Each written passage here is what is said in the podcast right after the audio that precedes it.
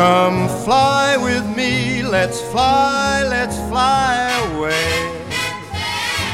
If you can use some exotic booze there's Ja, vi börjar närma oss slutet av året. Jag eh, sitter här med eh, en svart smoking, eh, lite feststämning eh, här i motivationspodden.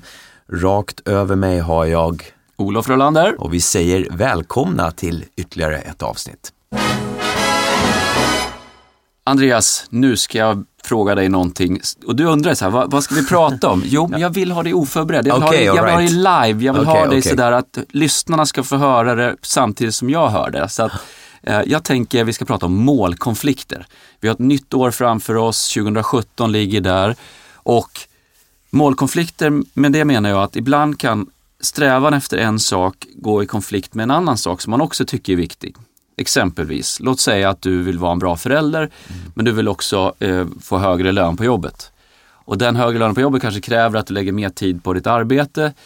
Och det går ju i konflikt med att du kanske då vill lägga mer tid med dina barn.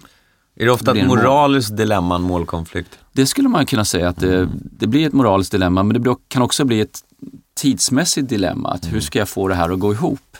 Och då har jag en fråga till dig Andreas. Kan du uppleva ibland att ett mål kan, Eh, alltså man två, låt säga att du har två olika mål, att de här inte synkar med varandra. Att det ena får bli på bekostnad av det andra i, i form av en målkonflikt. Ofta tycker jag det är så, speciellt jag som har sprätt ut mig eh, själv över Atlanten, att jag är lite i USA och lite i Sverige. Och jag lovade ju mig själv att, eh, att det inte skulle vara så något mer, att jag skulle försöka fokusera på, på, på en sida. Men så vaknar den där gamla drömmaren till mig och han är ju, han är ju liksom målkonflikternas stora vad ska man säga, förespråkare. Det blir liksom alltid fel när han ska ge sig ut för att då blir allting så vansinnigt roligt. Och så måste man prioritera, eller så prioriterar man inte utan man kör allting på en gång. Eh, och eh, nej, men jag kan verkligen känna igen det där och ibland kan jag känna det eh, när jag tittar på min familj. När ska det vara nog? Liksom? Ska jag inte bara vara med dem hela tiden? Ehm, så att det där är nog någonting som vi alla dras med, våndas över. Vi har ett dåligt samvete framförallt, det dras man ju med hela tiden. Och så går man tillbaks till tanken och det här försvarstalet man håller för sig själv att jobbar jag inte och gör lite mer föreläsningar och skriver ytterligare en musikal eller någonting, då blir det ju inte lika bra, varken för mig eller för de andra. Istället för att kanske omvärdera den tanken ibland. Men det där är, är komplicerat. Hur förhåller du dig till Ja, men jag, jag kan också märka ibland att man, man blir sitt yrke i någon mån då. Att, eh, vem är jag om jag inte är den här eh, som, som är ute och pratar eller som skriver böcker? Vem är jag då? Och i samband med att man då säger, jo men det, det är en viktig del av, av, av mig, det är en del av den jag är. Men samtidigt varje gång jag är ute på de här resorna och flyger och far så finns det ju, som Springsteen då sjunger, the price you pay. Det är alltid ett pris att betala. Och det är därför för mig njutarbete är så viktigt för att om inte jag kan göra den resan behaglig så, så spricker allting, då blir priset för högt. Okej, du får belöningen, du får euforin, du får känslan, men till slut så, och vi pratade om vågskålarna i förra avsnittet, till slut så blir det inte värt det till slut. Och Blir då- inte priset också högre och högre med tiden som går egentligen? Det Jo. finns ju inget, i, i liksom ens första år i livet, då finns det inget pris. Nej, Utan man bara, man, man kan köra liksom fritt. ja. Man behöver inte göra några val överhuvudtaget. Det är liksom inga våndor över, jaha gör jag så här så blir det så. Men med tiden så får man någon form av moraliskt dilemma kanske, eller man, dåligt samvete. Men också det, man, jag tror att man upplever att man har mer att förlora hela tiden. Du börjar Mm. bli en förvaltande person som säger att okej, eh, och, och i och med det kanske lite räddare också. En kompis till mig, Anna, berättade att hon, hon sa, "Fan, när jag var 20, jag, sa, jag åkte till Paris, jag bara stack iväg. Liksom. Jag drog till New York och jag, hon var en globetrotter. Och så sa hon, jag är så rädd nu för tiden. Jag blir så rädd, alltså, jag gör ingenting av det här. Och, och gör jag någonting så är det bara en bråkdel av vad jag gjorde för 20 år sedan. Och där är väl lite sådär, där blir också en typ av konflikt då. Att å ena sidan vill man kanske mycket, men å andra sidan vågar jag inte riktigt. Och, och då ska, det är också den inre fight där, va, som vi försöker ena dem. Och för mig är tanken så här att när man är i slutet på ett år och har ett nytt år framför sig så är det en unikt fin möjlighet att kunna titta på vad vill jag göra mer av nästa år? Mm. Vad vill jag göra mindre av nästa år? Och hur kan jag få ihop de här sakerna så att det blir färre konflikter vad det gäller min strävan mm. och vem jag vill vara. För att eh, det var som Jim Rohn sa, den gamla amerikanska affärsfilosofen, beware what you become in pursuit of what you want. Alltså se upp vem du blir på vägen mot dina mål. För om du når någonting och på, på köpet har du armbågat dig fram, eh, glömt bort dina vänner, eh, försummat andra saker, så, så är det då kanske man har blivit en sämre människa på kuppen. Och det är alltid någonting man får ta i beaktande.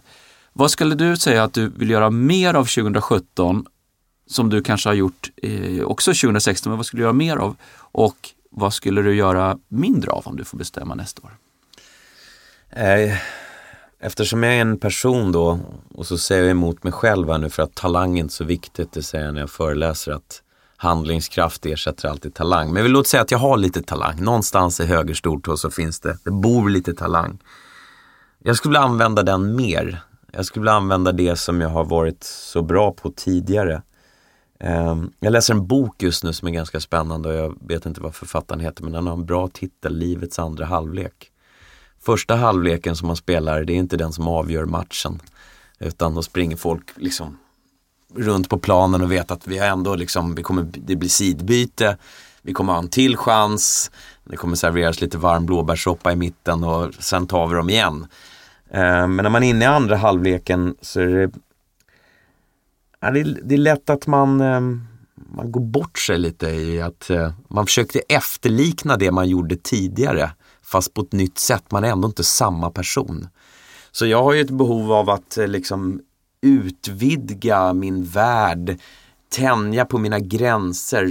Definitivt inte göra vad jag gjorde året innan eller fem år tidigare utan jag liksom vill hela tiden framåt men samtidigt så märker jag att det ibland blir på bekostnad på det man kanske är bra på. Jag går alltid tillbaka till eh, Mick Jagger när någon lite cyniskt sa, när ska du sluta hålla på och sjunga och göra något annat? Men då sa Mick Jagger förmodligen nu 73 år, även om man inte kan se det. I'm a song and dance man, sa han. Jag planerar inte att göra någonting annat. Och eh, det där kan jag ha väldigt stor respekt för. Jag har en kollega i branschen, Max Martin, som bara skrivit fantastiska låtar hela tiden. Så just det där att man vill göra andra saker, man vill prova nya sidor, man vill inte göra saker som man gjorde förra året. Det där är nog liksom en, en double-edged sword som man säger i USA. Det finns nog både för och nackdelar. Jag tror att jag är för förändringsbenägen egentligen. Så hitta någon, någon form av liksom happy medium där man är man förändrar lite från året innan så att man tycker i varje fall att jag tar ut svängarna lite mm. här och försöker hålla, kan du relatera? Absolut, absolut. Det där är inte så intressant att säga, göra mer av det där ofta det när jag får mail från eh, personer som vill börja föreläsa mer, mm. så kan du ge mig lite tips. Hur har du gjort? Och då pratar jag ibland om att tydlighet. Alltså det måste framgå väldigt tydligt att du är en inspiratör eller du är en föreläsare eller något. Så tittar man då, det finns ingen hemsida, de har en hotmailadress, eh, det finns inga referenser eh, och på Facebook, det, det är luddigt om man säger så. Man, aha, du är konstnär också, du, det, ska du verkligen liksom tratt, det behöver tratta ner det lite grann och vara tydliggöra för marknaden att det här är det jag gör. Och det tror jag kan vara en viss nackdel när man är en eh, duktig på många saker, mm. som jag vet att du är. Alltså kan det bli liksom att det spretar lite. Nu tror inte jag du har varit så särskilt spretig egentligen. Skulle du titta på det så det, finns det säkert gemensamma nämnare i allt det här. Det, det, det går nog åt rätt håll så att säga. Så vad du säger då till mig är att du vill göra mer av Ja men det som man, som man eh, på riktigt brinner för. Ibland så kan man ju tänka så här. Jag vet inte om någon kan relatera till det här men om man är en aspirerande fotbollsspelare och liksom, till slut blir man satt där på den stora planen. i liksom Macarena Stadium i Rio och det sitter massor med människor och tittar och sådär. Då vill man ju att bollen ska hamna rätt på foten också. Mm. Bara för man springer runt på planen och skriker passa mig. Så behöver det inte vara så att man lyckas med det där som Zlatan har lyckats med några gånger i livet.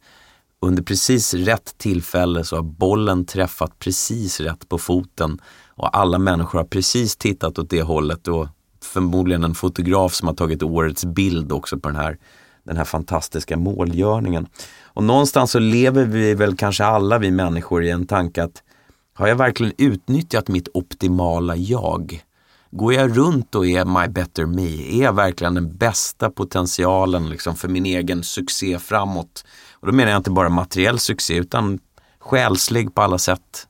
Att man liksom strävar efter att vara lite bättre. Sådär. Och det, den där tanken tycker jag grusas ibland av att man måste göra alla de där sakerna som inte riktigt är det man är bäst på. För så är ju livet, man kan inte bara spela liksom på topp i fotbollslaget hela tiden och hoppas bollen ska hamna rätt på, på vristen. Och där eh, kämpar jag lite med liksom highs and lows ska jag känna ibland. Ja, precis. Alltså, man, vill liksom få en, man vill få en sån här gyllene chans att ja. det här tycker jag jag är riktigt bra på. Du vill ha fler gyllene ögonblick? Fler gyllene ögonblick där, där man liksom får chansen att, eh, att för en liten stund vara en Ferrari. Jag läste någonstans att treat yourself like a Ferrari. Och jag kommer inte ihåg vad resten av det var men eh, en Ferrari är en sån här bil som man plockar ut när det är soligt väder. Uh, har man tur då så har man möjlighet att köra den bara under vissa delar av året när det är sådär snyggt sopbilen eller den här ja. borstbilen har åkt liksom. Det är vår och det har slagit ut lite och, och man liksom kör den där jungfruturen för åren med, med bilen. Förhoppningsvis kan man köra bort till en bana, pressa upp den liksom i en hastighet som, som, en, som ett italienskt fullblod ska köras i. Men istället så svänger man av och åker ner till Johans korvgrill och så spiller man lite senap på cementbräd eller på instrumentbrädan och, och liksom slafsar till det och man kör så sakta så motorn skär sig. Och där vill ju liksom ingen vara, man vill ju få vara sitt bästa jag.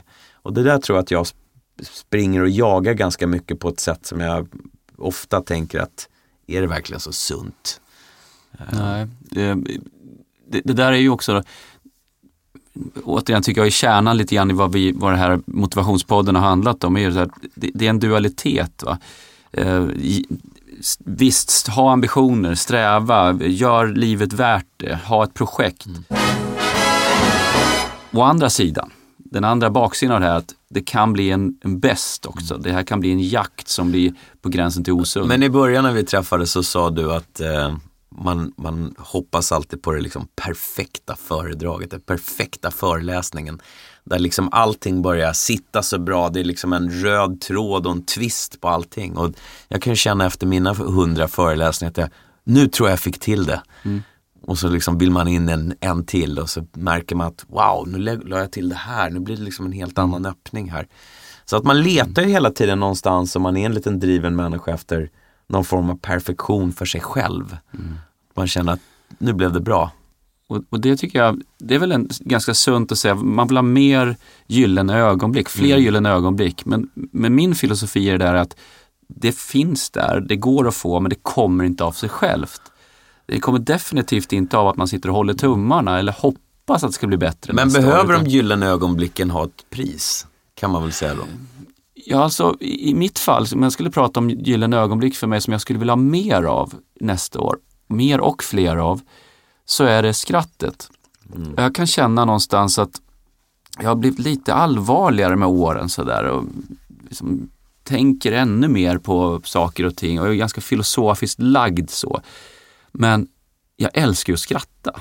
Jag mm. älskar ju rövarhistorier, liksom roliga historier och skratta och så vidare. Och jag har skrattat mycket i år men där skulle jag ju lätt kunna, det, det, skulle vara lätt för mig att addera det. För det första vet jag ju vilka människor som får mig att skratta. För det andra så går det ju att söka sig till skrattet i, i form av, av liksom, mm, liksom föreställningar och annat och, och även vad man kan titta på. Så jag, kan, jag kan tycka det att när jag skrattar så är det, då är det ett magiskt ögonblick när man nästan lutar sig framåt och, och, och liksom inte, kan inte kontrolleras.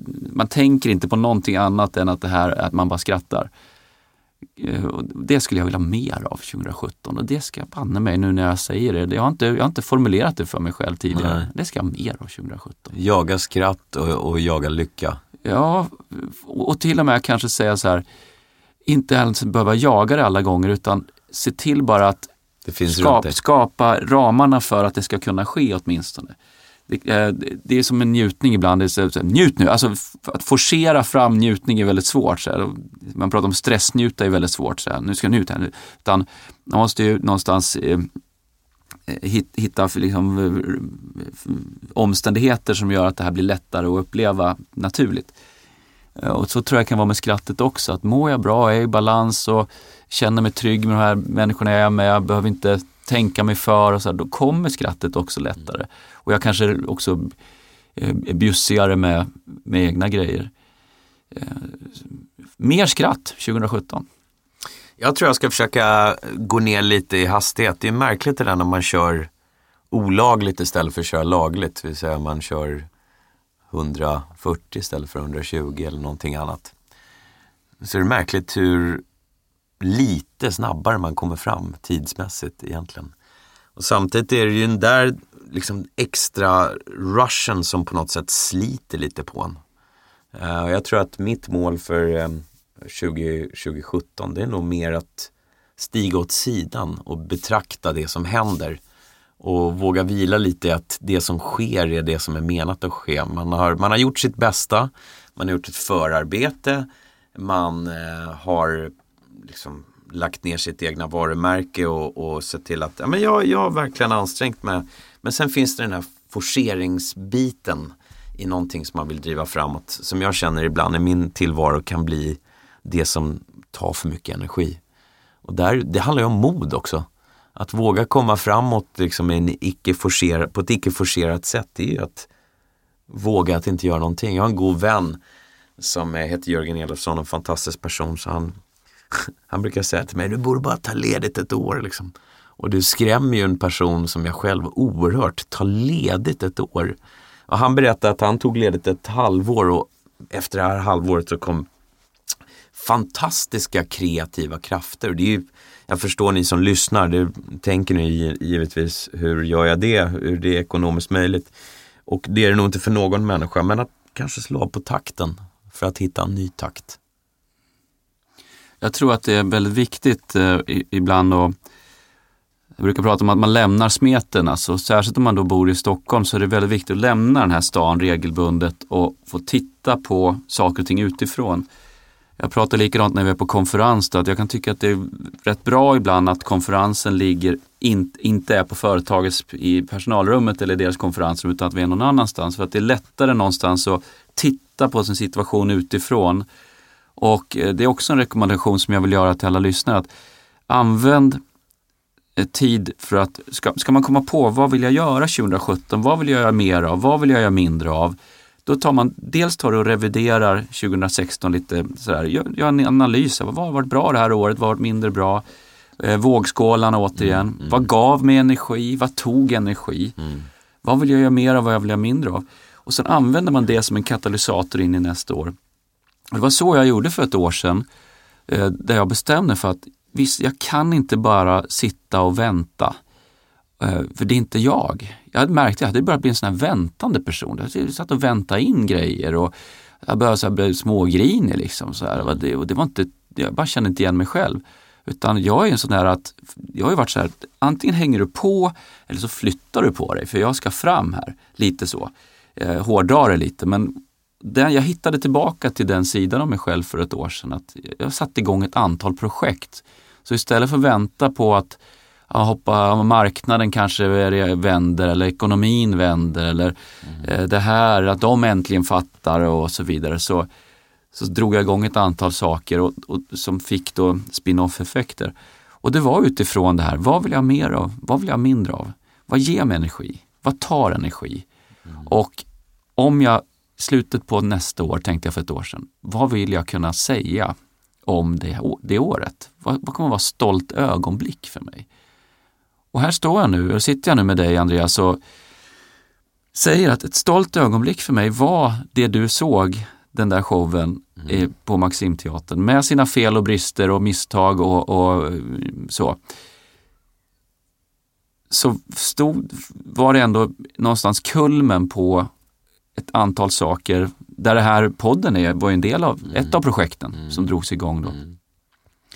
Och det är min uppmaning till samtliga här att det Andreas säger och det jag säger tror jag går ihop rätt bra. att Ibland behöver man tid för att samla ihop sig själv. Och den tiden ska inte underskattas. Och den kan ibland vara bättre att ägna borta från hemmet. Lämna hemmet, lämna sin vanliga situation och kunna blicka utifrån. Det kan vara att man tar en helg eh, och har med sig en litteratur, kollegieblock, eh, promenadkängor och får komma närmare naturen. Och där får liksom då tänka till. Va? Vad vill jag göra? Alltså 2017, om jag, om jag skulle se det som ett projekt eh, som inte bygger på att hoppas på det bästa och hålla tummarna, för det kan man göra också. Det gör jag också, men det är för säkerhets skull. Utan ha en, någon form av idé. Vad gör, vad, vad gör livet värt att leva 2017? Vad, vad skulle göra det intressant? Vad skulle det göra det värdigt? Och då kom jag fram till att den, den, det jag har missat 2016, det är skrattet. Jag, jag har skrattat för lite. Och det är väl det som är fint med livet. Du lär dig, jag är 40 år och fortfarande, jag borde jag ha ju fattat för det här laget hur viktigt det är för mig. Det blev lite för allvarligt det här året. Men vad tycker du generellt sett, när du tänkt tillbaka på ditt liv och sådär och, och 2017 och, och Finns det någon sån här, kastar du iväg ett, ett spö och försöker liksom eh, fånga någonting och så drar emot det där eller går du in bara med någon form av energi och, och ser vad som händer eller hur gör du? Ibland när jag tänker tillbaka på allting som varit med så tycker jag vissa, vissa kapitel har varit för långa.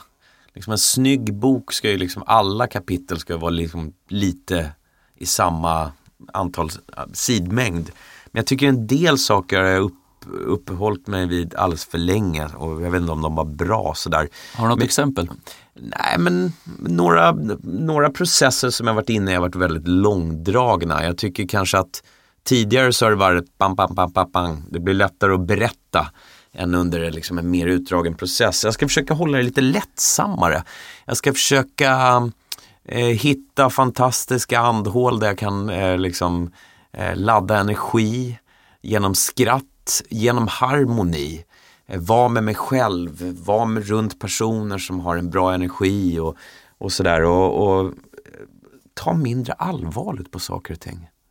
Det, det är bara livet vi pratar om. Mm. Det kan å andra sidan låta otroligt högtravande och vi sitter här liksom och filosoferar om saker. Men det är, det är någonting som vi alla dras med, det här livet. Och ehm, kanske det bästa som någonsin har sagt på engelska det är Life is what's happening while you're making other plans. Och ehm, skulle jag ha en tatuering så kanske för 2017 eftersom jag har ingen så kanske jag skulle skriva något sånt där så att jag kan påminna mig lite själv om att det är den här resan som jag måste ta tag i och verkligen nu, det är tid, det är hög tid att ta tag i den och, och göra det mesta av det. Och då menar jag inte bara karriär och prestationer och sånt där utan vem jag är inne i det här livet. Och det tycker jag kopplar an väldigt starkt till den här gyllene ögonblicken. För det, det, det klingar väl i mig. Det är ungefär, jag, jag samlar på tillfällen där jag inte längtar mig bort. Där jag inte sitter och bara önskar att jag var någon annanstans eller märker att jag, jag bara slösar med min tid.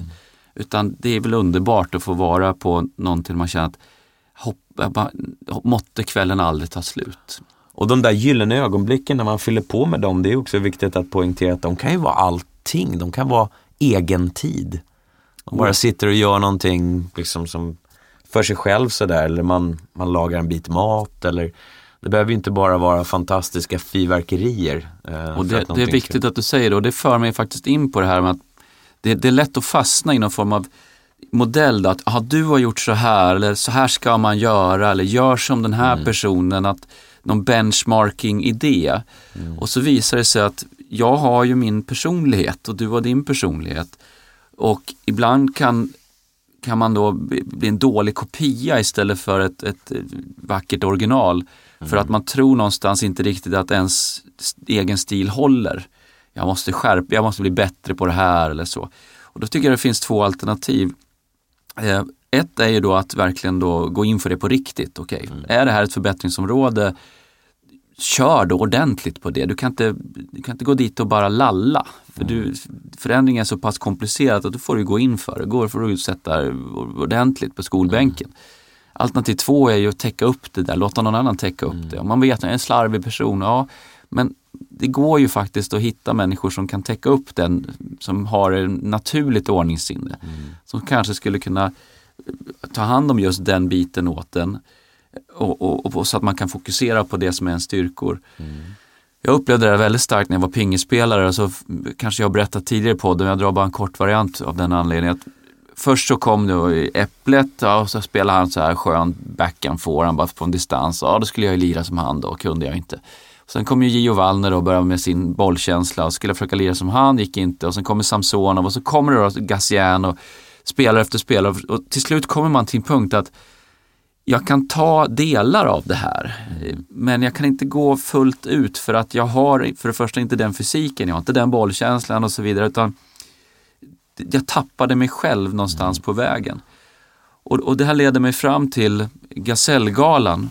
Vi var på Gasellgalan här och då, då var det ju massa uppklädda personer, prins Daniel då delade ut pris och det var eh, Anna Kinberg Batra, det var, det var uppklätt. Mm. Och liksom, pristagare av, av eh, rang liksom. Och så kommer då årets digitala gasell upp, Per Svärdsson.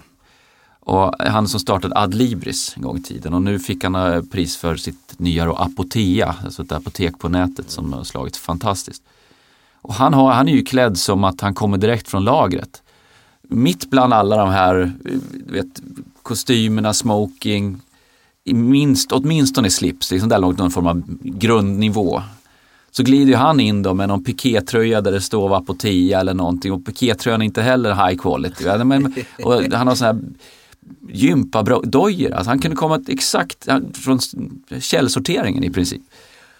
Och det här var ju så befriande för att jag, jag, har inte, jag tror inte att han bara, oj är det, är det idag det är prisutdelning, jag har inte hunnit byta om, utan han, han klär sig så. Mm. Och det kan jag tycka att det utstrålar ett visst självförtroende, ungefär som Dylan då som inte hämtar Nobelpriset. Att vissa hittar tidigt sin ton. Den här, det här är jag och jag är, där är jag kompromisslös i någon mån. Jag tror på att det här funkar. Men inte det också, är inte det också att vi gärna fastnar i att ständigt jämföra oss andra med andra människor? Ja. Jag har alltid försökt stoltsera med att min livsmeny är helt unik.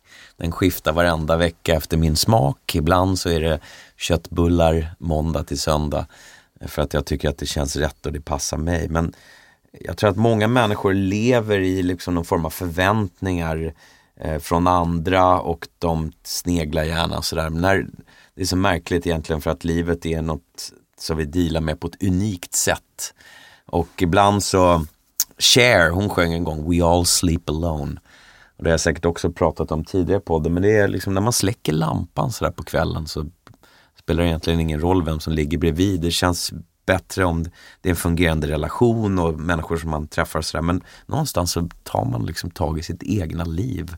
Så det måste man ju designa efter efter en själv och då kanske det inte är bra att titta på vad andra gör eller precis som du berättade, referera till den här kvällen utan känner man sig liksom komfortabel att möta den här situationen i pikétröja och, och, och den uppsynen, då tycker jag det är aktningsvärt att, att, att, att bemöta det på det sättet. Det, framförallt är det också befriande i, i, i den mån att man, det bevisar ju den här tesen tycker jag att det som är viktigt för mig behöver inte vara viktigt för andra men jag kan ibland falla in i det märker jag, att hur kan de leva på det där viset? Mm. Det där är väl inget, hur, hur, kan de tycka det där är meningsfullt? Mm.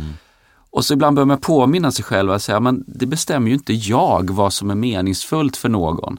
Någon kan ju säga, vad då åka runt och hålla föredrag, vad är det för, vad är det för poäng med det? Mm. Det är ju slarva bort sin tid ju. Skriva böcker, hur kommer ändå ingen att läsa den boken? Alltså, så att, Men är inte det där människans liksom, stora ok som vi bär, att vi tror alla att andra lever ett perfekt liv. Och så är man fast i någon liksom sån här, äh, inte växa upp, inte göra någonting på riktigt, jobba på ett låtsasjobb, inte tjäna nog. Är inte det någonting som alla människor dras lite med, att man liksom strävar efter att leva något liv som man ser på avstånd men som man inte riktigt kan definiera heller utan man Ja men precis. Dels det då att man ibland kan sätta upp andras liv på en piedestal, att de verkar ha det så oerhört bra. Där tror jag sociala medier tyvärr har eh, bidragit lite grann, alltså filtrerat eh, vårt liv som, som gör att det, det, det skimrar mer än vad det gör egentligen. Det är det ena, men man kan också som sagt få, få, få det här att man, hur kan, man, man tror att någonstans att det här är ett bra liv och det här är inte det. Men det ska man ju ha väldigt klart för sig att det, och, och, jag hoppas ju att samtliga som lyssnar till det här också att om jag sitter och säger så här att ja, men jag tycker att gå på restaurang är, är, det är en bra kväll. Jag är fullständigt medveten om att det finns andra som säger, vad ska du sitta där för? Det kostar massa pengar och ja, det är klart att du kan. Och, det, och så kanske då någon sitter och säger, är det så man ska göra? Absolut inte, det, men man får hitta sin ton återigen och vad som är viktigt för en. Och där tror jag både din och min uppväxt kan vara hjälpsam i det läget. För har man, låt säga att du aldrig visste något annat. Mm. Låt säga att du växte upp i den här miljön och det, det här är det enda du känner till. Liksom. I mitt fall så var det ju, det här var ju, den här världen existerade ju inte. Och tittar jag på vilka mina föräldrar kände så kände de ju ingen heller. Och de i sin tur kände ju ingen heller på den här nivån, alltså som, som överhuvudtaget rörde sig i, i, i företagsledare och andra som jag är i kontakt med idag på ett naturligt sätt eftersom de är mina kunder. Mm.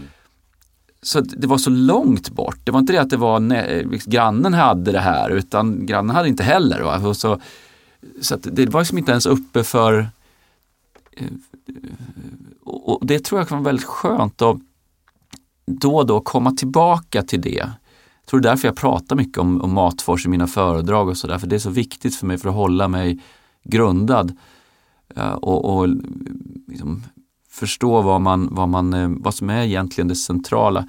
Och det var därför det var så kul för mig att i podden att få en egen upplevelse. Jag skrattar för lite. Kom igen Olof, det är väl inte så svårt och det känns ju görbart dessutom. Um, ja, men det där kan jag relatera till, ja. att man liksom har något ankare som sitter fast någonstans. En del människor som jämför sig med andra, de rycker upp det där ankaret om det inte sitter fast på ett snyggt ställe. Mm. Och så blir man liksom, man bygger en tillvaro som passar alla andra. Men jag har alltid stoltserat lite med det som är liksom lite udda i, i min historia och det som kanske kan vara lite humoristiskt sådär. Någonstans sådär bygger jag det som är jag. Det kan jag verkligen relatera till.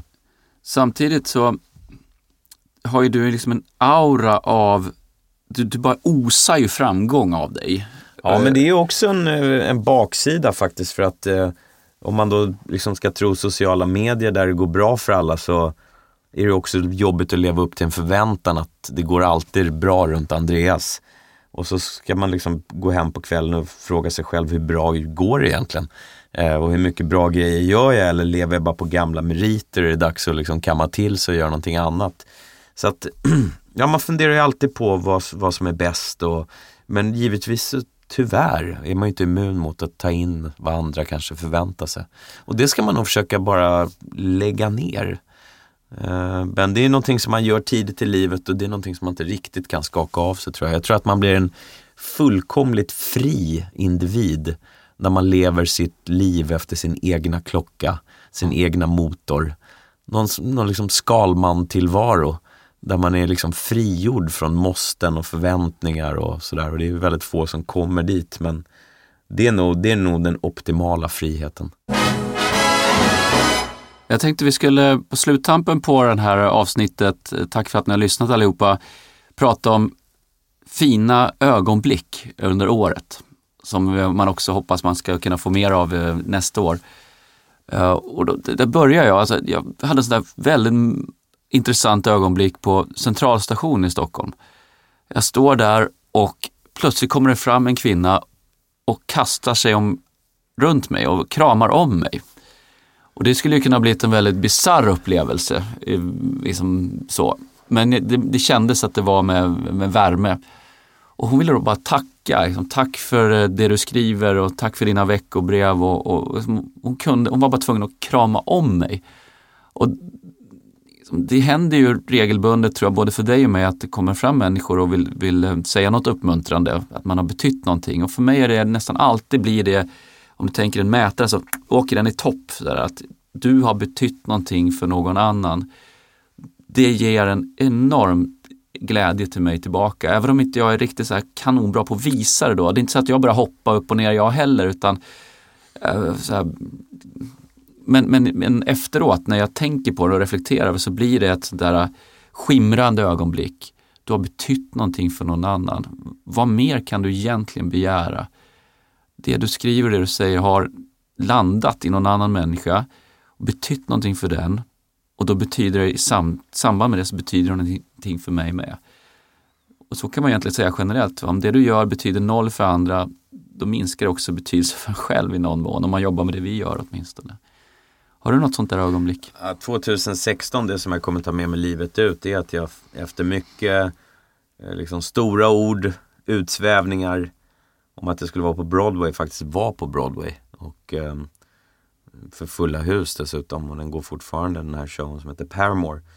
Men givetvis när man då har gjort en stor Broadway-show för en kvarts miljard och så ska man gå på röda mattan, då tar man ju med den som är absolut viktigast i tillvaron och det är min mamma.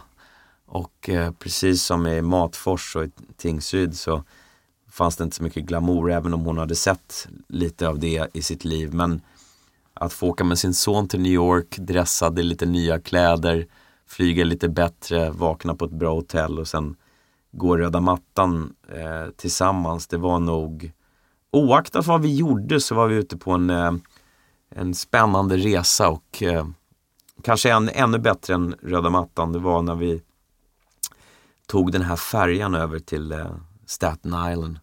Eh, Ganska meningslös bilfärja som bara går fram och tillbaka. och Den passerar Statue of Liberty. Men att stå där med min mamma och uppleva New York från vattnet och liksom nästan så här det kluckade inom mig av glädje att jag fick ta med henne på det här äh, på den här speciella resan. Det var nog bland det bästa som har hänt i hela mitt liv tror jag. Men det hände 2016. Och med det hoppas vi att eh, ni också har, eller du som lyssnar, kanske går på en promenad just nu eller du kanske är någon annanstans, sitter någonstans. Vilket av ditt bästa, om du skulle ta fram dina bästa ögonblick 2016, så hoppas jag du har många. Men att du kan plocka fram åtminstone ett av ögonblicken där du säger att där och då var livet så som man vill att det ska vara. Och låt oss få fler sådana ögonblick 2017 men min devis är, och jag tror att Andreas håller med mig, det finns där och det kommer att ske, men det kommer inte av sig självt. Nej, work hard. Så gott nytt år kära vänner. Tack för att ni har lyssnat. Det här är Motivationspodden med Olof Rolander och Andreas Karlsson.